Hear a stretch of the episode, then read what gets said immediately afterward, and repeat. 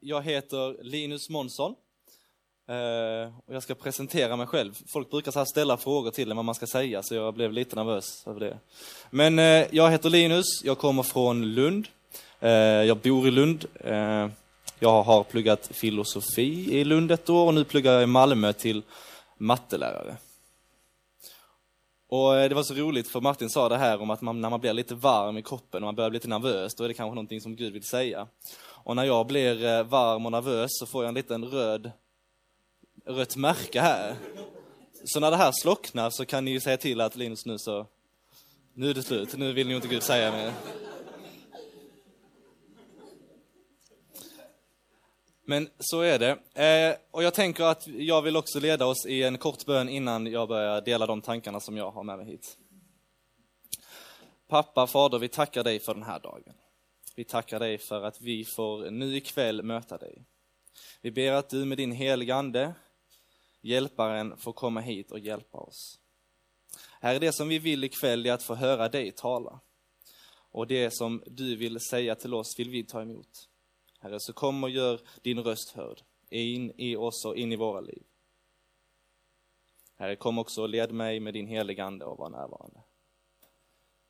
I Jesu namn. Amen. Okej, okay. min inledning kommer också handla om mig själv. Och då står det så här. Jag heter Linus Erik Maurits Månsson, född i Lund, uppväxt i Staby, där jag lekte mycket krig, slogs med pinnar till lite för hög ålder.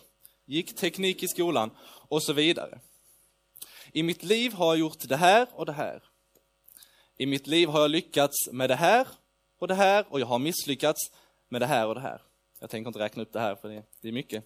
Eh, jag har liksom växt upp. Jag har läst böcker, jag har sett på filmer, jag har tänkt tankar, jag har misslyckats att tänka tankar. Jag har, jag har liksom format eh, en livssituation som jag är i just nu. Och den livssituationen som jag är i just nu är formad av erfarenheter. Som jag sa innan, tankar. Av den personen jag är, min personlighet. Och allt det här kombinerat utgör en livssituation. Om du tänker, nu gör jag så här för att markera det här med mitt kroppsspråk. Jag har en livssituation. Puff. Och alla vi här inne, var och en av oss, har vår livssituation. Vi har vår, så här är det just nu som bygger på vad vi har varit med om och vad vi har tänkt. Och vi har vår sån här just nu. Och vad den består av är individuellt. Den eh, är kanske önskningar, viljor, eh, massvis med grejer som är i min livssituation just nu. Och det som är aktuellt att prata om i vår livssituation nu, i och med att vi är på det här lägret, är lärjungaskap är lärjungaskap en del av min livssituation just nu? Är mina viljor, mina önskningar, är det här påverkat av att vara lärjunge? Och vad är egentligen lärjungaskap? Det är ju nödvändigt för att veta vad, vad eh, som ska påverkas i min livssituation, vad min livssituation består av. Vad är lärjunge? Är det någonting bra? Har jag varit lärjunge? Vill jag vara lärjunge? Och frågan kanske, är det värt att vara lärjunge? Är det någonting som jag borde göra?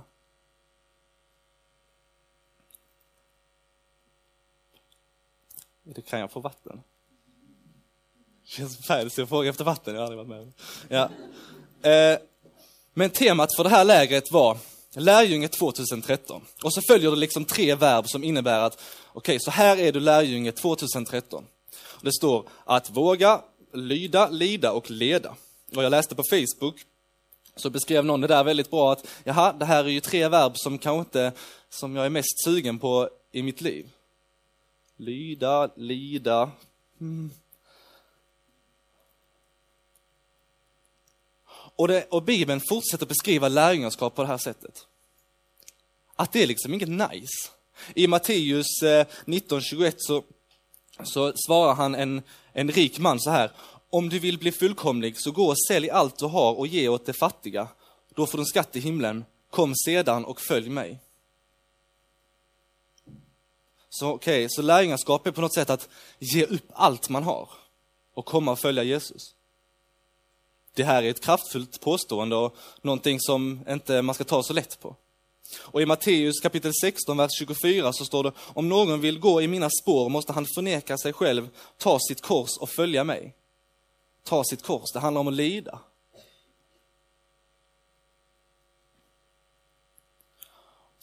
Och Bibeln fortsätter att beskriva lärjungaskap på massa olika ställen i Bibeln.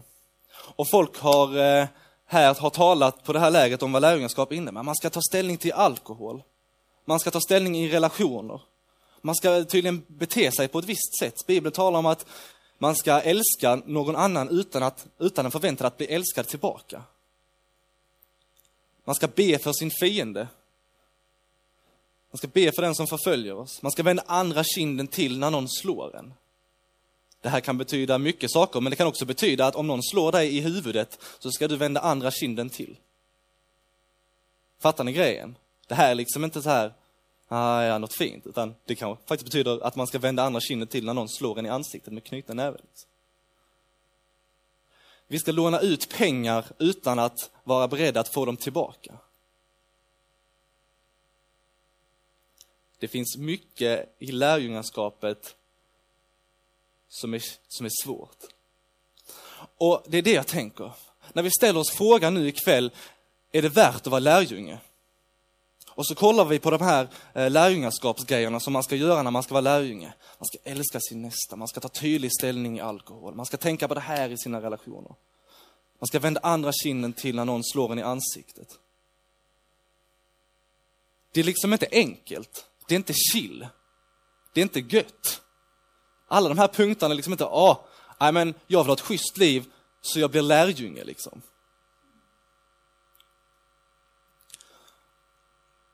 Och ibland så kan jag tänka så. Och jag tror att det finns, jag tror det gäller oss alla egentligen, att det kan vara så att tänka att men lärjunge är någonting som är i sitt självändamål bra liksom. Jag mår ju bra av att vara lärjunge, det är ändå gött liksom. Och ofta är det det. Men när, jag tror inte vi har förstått egentligen grejen då. För lärjungaskap är någonting väldigt, väldigt utmanande. Och någonting som inte passar in i en medelsvensson-kultur. Nej, det som beskrivs som lärjungaskap i Bibeln är någonting radikalt. Någonting som inte vi gör för att må bra, eller ha det chill, eller ha ett enkelt liv. Där allting bara flyter på. Nej, lärjungaskapet är någonting som går ut över människan. Lärjungaskapet är inte någonting som människan i sig själv har kommit på för att det ska bli ett soft liv. Utan det är någonting utifrån människan som får en att vara lärjungar. Och det är, här var min inledning. Och nu kommer vi till det här faktumet.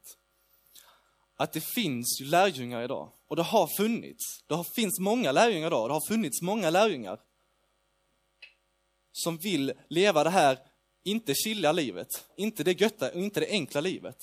Och varför är det så att de vill leva det här livet? Och det är ju högst väsentligt att kolla på om vi idag vill vara lärjungar. Om det känns någonting som att ja, men det kanske är någonting att vara lärjunge, då kanske vi ska kolla varför vill folk vara lärjungar? Det här är inget gött, det är inget soft, det är inget enkelt. Jag får inte ställa glas på flyg. Så, vad gör vi för att undersöka detta? Vad gör vi för att kolla varför folk ville bli lärjungar? Och då kan man ju kolla på de som var de första lärjungarna. Och eh, kanske de som led allra mest. De som blev hotade, de som blev dödade eh, konstant. Liksom. Och då så ska vi läsa i Apostlagärningarna kapitel 4, efter evangelierna.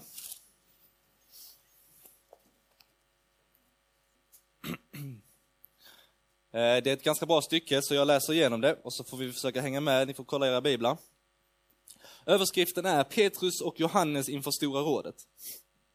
Medan Petrus och Johannes talade till folket kom präster, tempelvaktens ledare och saduceerna emot dem. Upprörda över att de undervisade folket i Jesus och i Jesus predikade uppståndelsen från de döda. De grep dem och höll dem fängslade till nästa dag eftersom att det redan var kväll. Men många av dem som hade hört ordet kom till tro och antalet män var nu omkring 5000. Nästa dag samlades Stora rådets medlemmar i Jerusalem, både äldste och skriftlärda. Vidare översteprästen Hannas, liksom Kaifas, Johannes och Alexander och alla som var översteprästerlig släkt. De förde fram apostlarna och började förhöra dem. Genom vilken kraft eller vilket namn har ni gjort detta?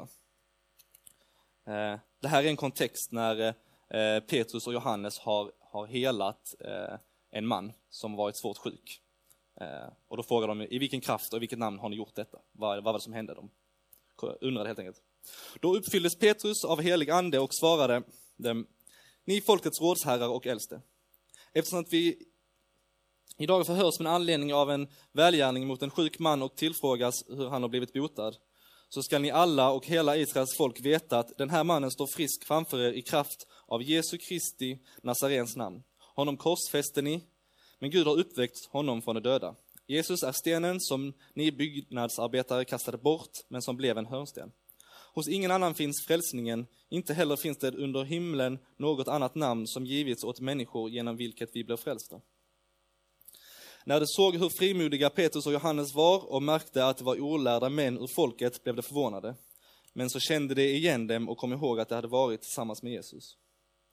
Och när de såg mannen som hade blivit botad stå där tillsammans med dem blev de svarslösa. De befallde dem att lämna rådsalen och överlade med varandra. De sade, vad ska vi göra med de här människorna? Att ett märkligt tecken har skett genom dem, det står klart för alla som bor i Jerusalem och det kan vi inte förneka. Men för att detta inte ska spridas vidare bland folket, så låt oss varna dem för att i fortsättningen tala till någon människa i det namnet. De kallade in dem, förbjöd dem att överhuvudtaget tala eller undervisa i Jesu namn. Men Petrus och Johannes svarade dem, döm själva om det är rätt inför Gud att lyda er och inte Gud. Vi för vår del kan inte tiga med vad vi har sett och hört. Då hotade dem än en gång och lät dem sedan gå, eftersom att de för folkets skull inte kunde finna något lämpligt sätt att straffa dem, ty alla prisade Gud för vad som hade hänt. Mannen hade blivit botad genom detta tecken, var nämligen över 40 år. Okej, det var en lång text som vi fick läsa här. Kanske vi tappar fokus lite.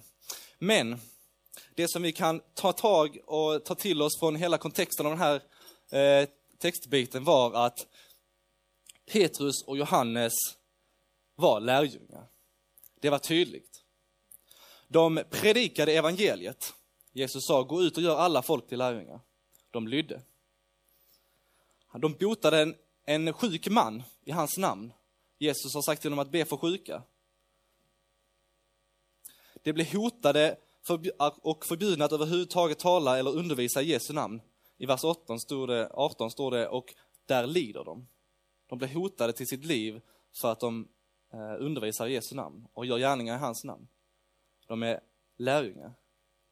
Men efter att ha levt det här lärjungelivet så svarar de fortfarande, men vi för vår del kan inte tiga med vad vi har sett och hört. Så det här, här har vi hittat människorna som vi ska undersöka. De här människorna lider ju. De kör på, de lever ett utgivande liv. Och de utsätts för hot. Två gånger i den här texten. Bara i den här biten av texten, säkerligen fler gånger genom eh, Bibeln och eh, det som inte står i Bibeln. Så vad är det som har hänt dem? Och det svaras på i texten.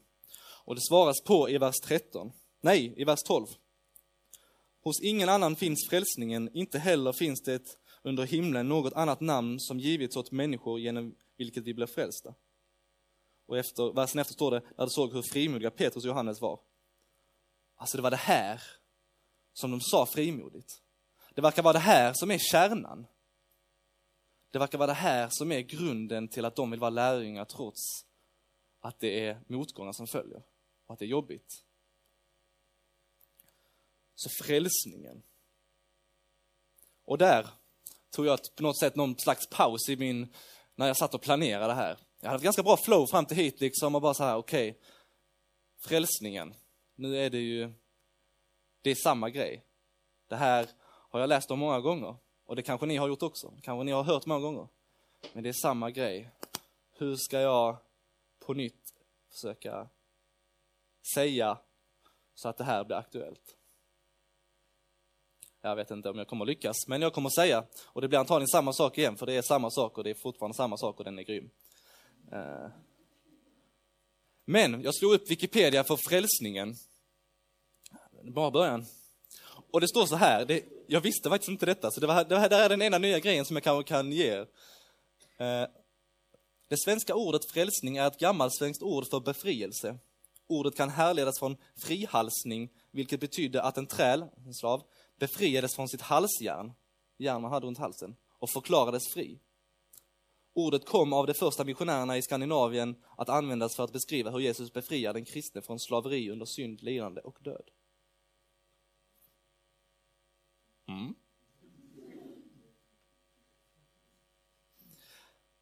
Synd, lidande och död. Det här är ju någonting som inte bara går direkt in i vårt skalle och vi fattar, ja ah, men det här innebär det här. Synd liksom. Det här är ett begrepp som vi har totalgreppat. Så är det ju inte. Synd är ett begrepp som är svårt att fatta, men vi kan börja tänka på det och förklarat i Bibeln som någonting som skiljer oss från Gud.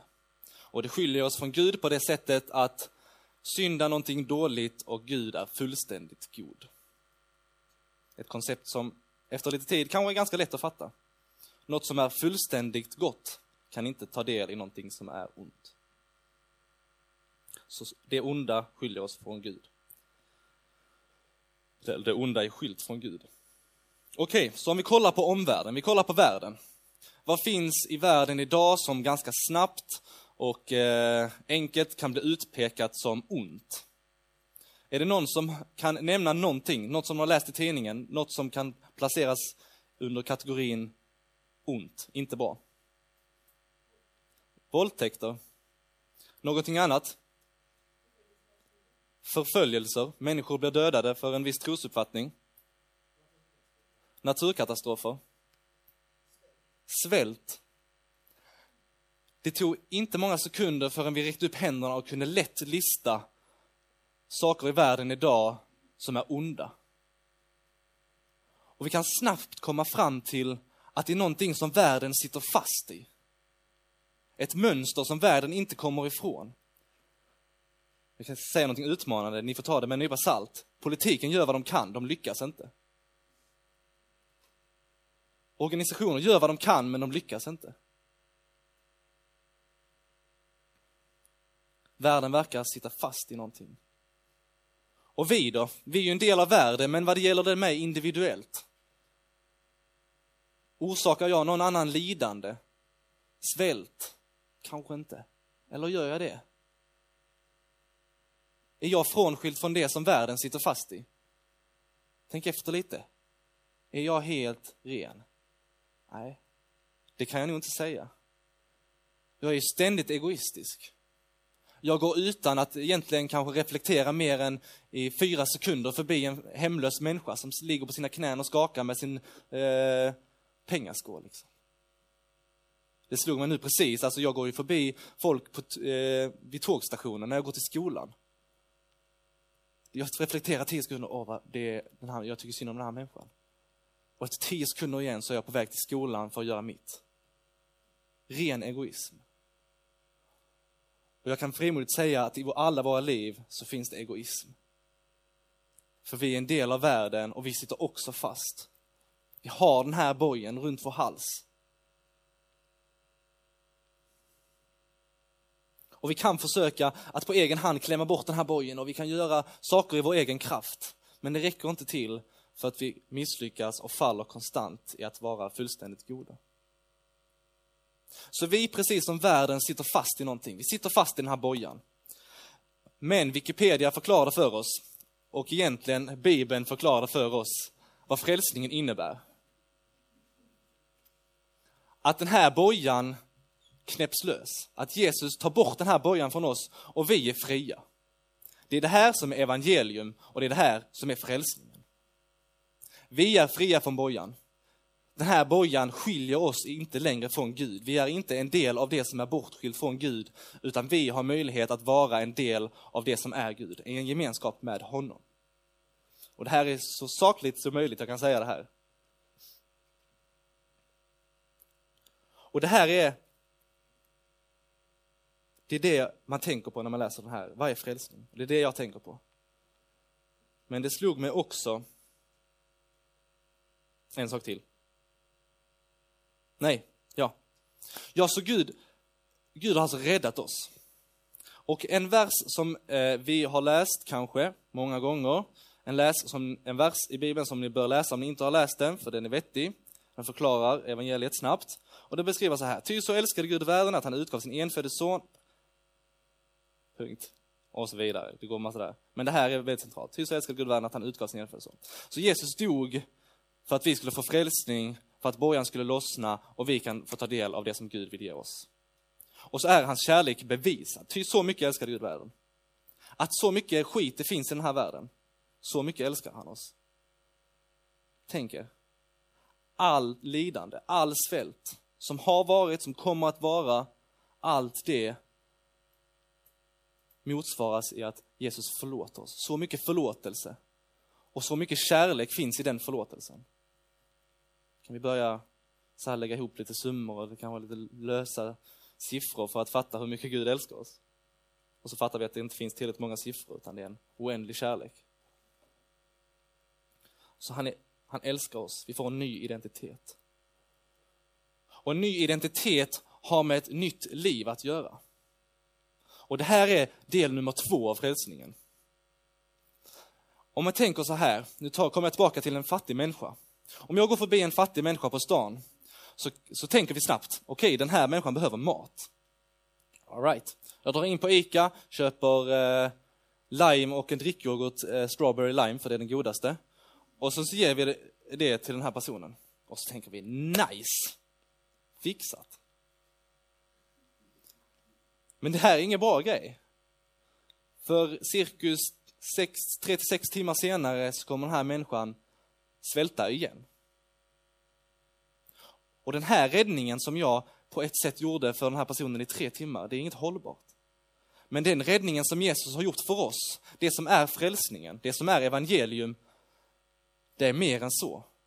För han har räddat ifrån någonting, han har räddat ifrån bojan. Men han har också räddat oss till någonting. Till någonting nytt.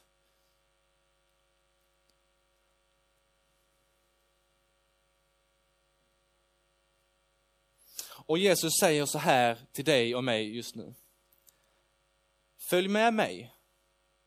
Bojan är borta och kommer alltid att vara borta. Nu vill jag erbjuda dig allt vad livet innebär utan boja. Kom och följ med mig, jag ska visa dig livet utan boja. Och nu så faller vi plötsligt tillbaka till det som jag inledde med. Det måste hända någonting radikalt. Det måste komma någonting utöver vad människan kan erbjuda in i en livssituation för att man skulle vilja leva på ett sätt att vara lärjunge. Och det är det här som är grejen. Det är det här som är grejen, att evangeliet är bevisat och det har hänt. Vi har blivit förlåtna, vi är älskade, ny identitet. Vi får följa med Jesus, vi får vara hans lärjungar. Och det är när vi förstår detta och när detta får komma in i vår livssituation som det är någonting som händer. Det kommer in någonting i vår livssituation så att vi pallar, så att vi vill att det är värt att älska sin nästa utan att förvänta sig någonting tillbaka. Det är värt att vända andra kinden till när någon slår en i ansiktet med en knytnäve. Och det är värt att låna ut utan att vara beredd att få någonting tillbaka. Det här utgivande livet är helt plötsligt värt det. För det är någonting som har kommit in i min livssituation och brutit in och ändrat hela strukturen totalt.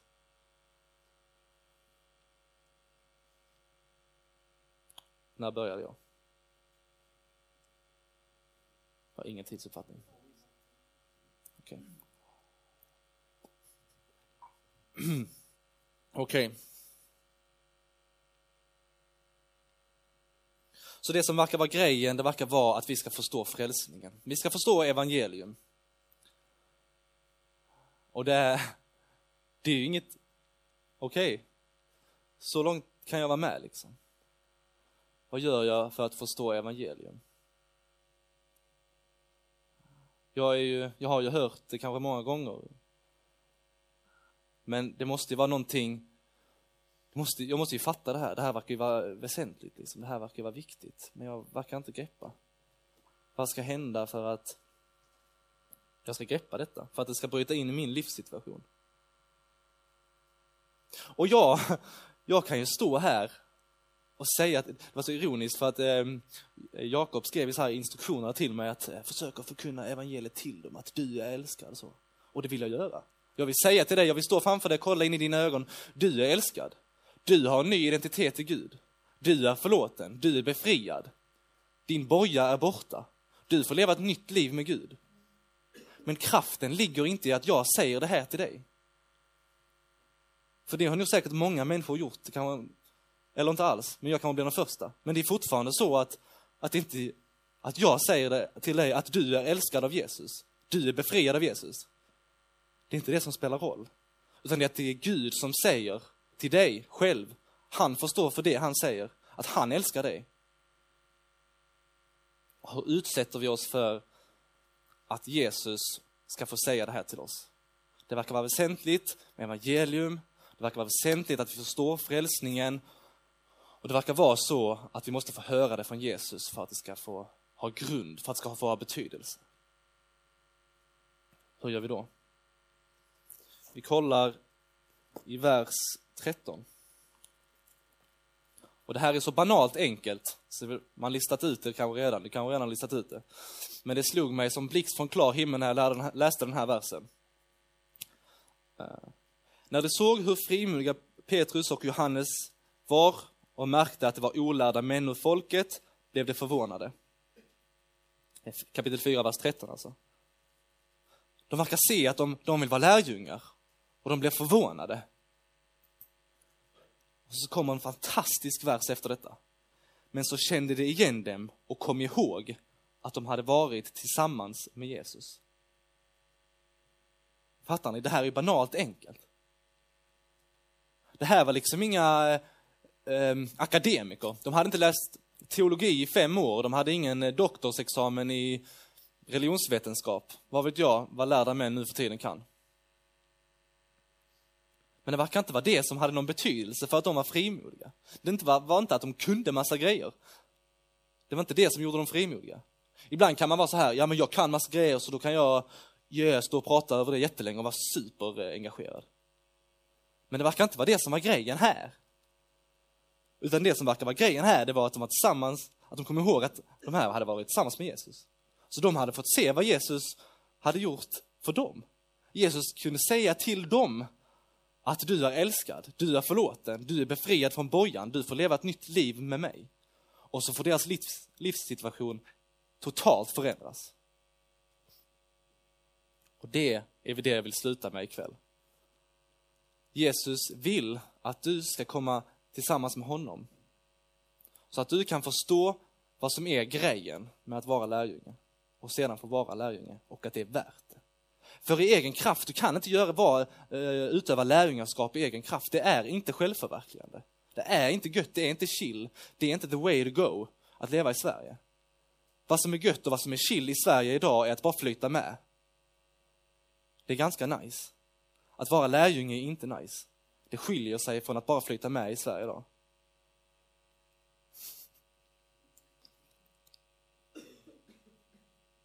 Och för att du ska orka vara lärjunge och för att du ska få kraft att vara lärjunge så måste Jesus få bryta in. Och det gör han när du är tillsammans med honom. Så, vad gör vi åt detta? Vi är tillsammans med honom. Vi läser Bibeln. Vi ger Jesus chansen att tala till oss och direkt i tilltal från honom få höra att jag är älskad. Bara något så barnsligt som att vi knäpper våra händer, vi stänger våra ögon och vi tänker till Gud. Nu har du utrymme att tala till mig. Gör detta. Och detta kan vi göra när som helst. Vi kan också göra det nu ikväll. Vi ska få tid att sjunga lovsång och få be. Och där kan vara ett eh, ypperligt tillfälle att få, få ge Gud chansen att tala till, eh, till en själv. Man kan få gå till förbön och få säga till förbedjarna att eh, ja, men kan inte be för mig att jag ska förstå vad frälsningen är, så att det kan få förändra mitt liv. Så ge Jesus tillfälle att, så att han kan få säga vad frälsningen är. Var tillsammans med honom.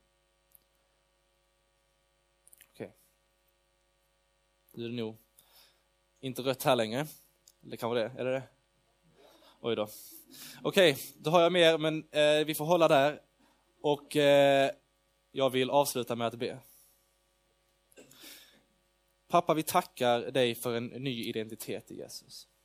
Herre, tack för att vi får vara dina barn genom Jesus. Att du har befriat oss från bojorna. Att du erbjuder oss ett, en ny identitet och ett nytt liv tillsammans med dig. Hjälp oss att förstå detta. Kom med din heliga Ande och vittna om det barnaskapet vi har inför dig, Gud. Kom och tala till oss och gör det tydligt. Låt oss få inse att vi är älskade av dig. Herre, och låt det få bryta igenom i våra liv. Herre, ge oss en vilja att få vara lärjungar. Låt den kraften få komma av dig och låt oss få en vilja att vara radikala lärjungar som skiljer sig totalt från medelsvensson. Herre, kom med din ande och drabba den här platsen och drabba oss i våra liv. Herre, vi lämnar allting i dina händer. Vi litar och hoppas på dig och att du hör vår bön. I Jesu namn. Amen.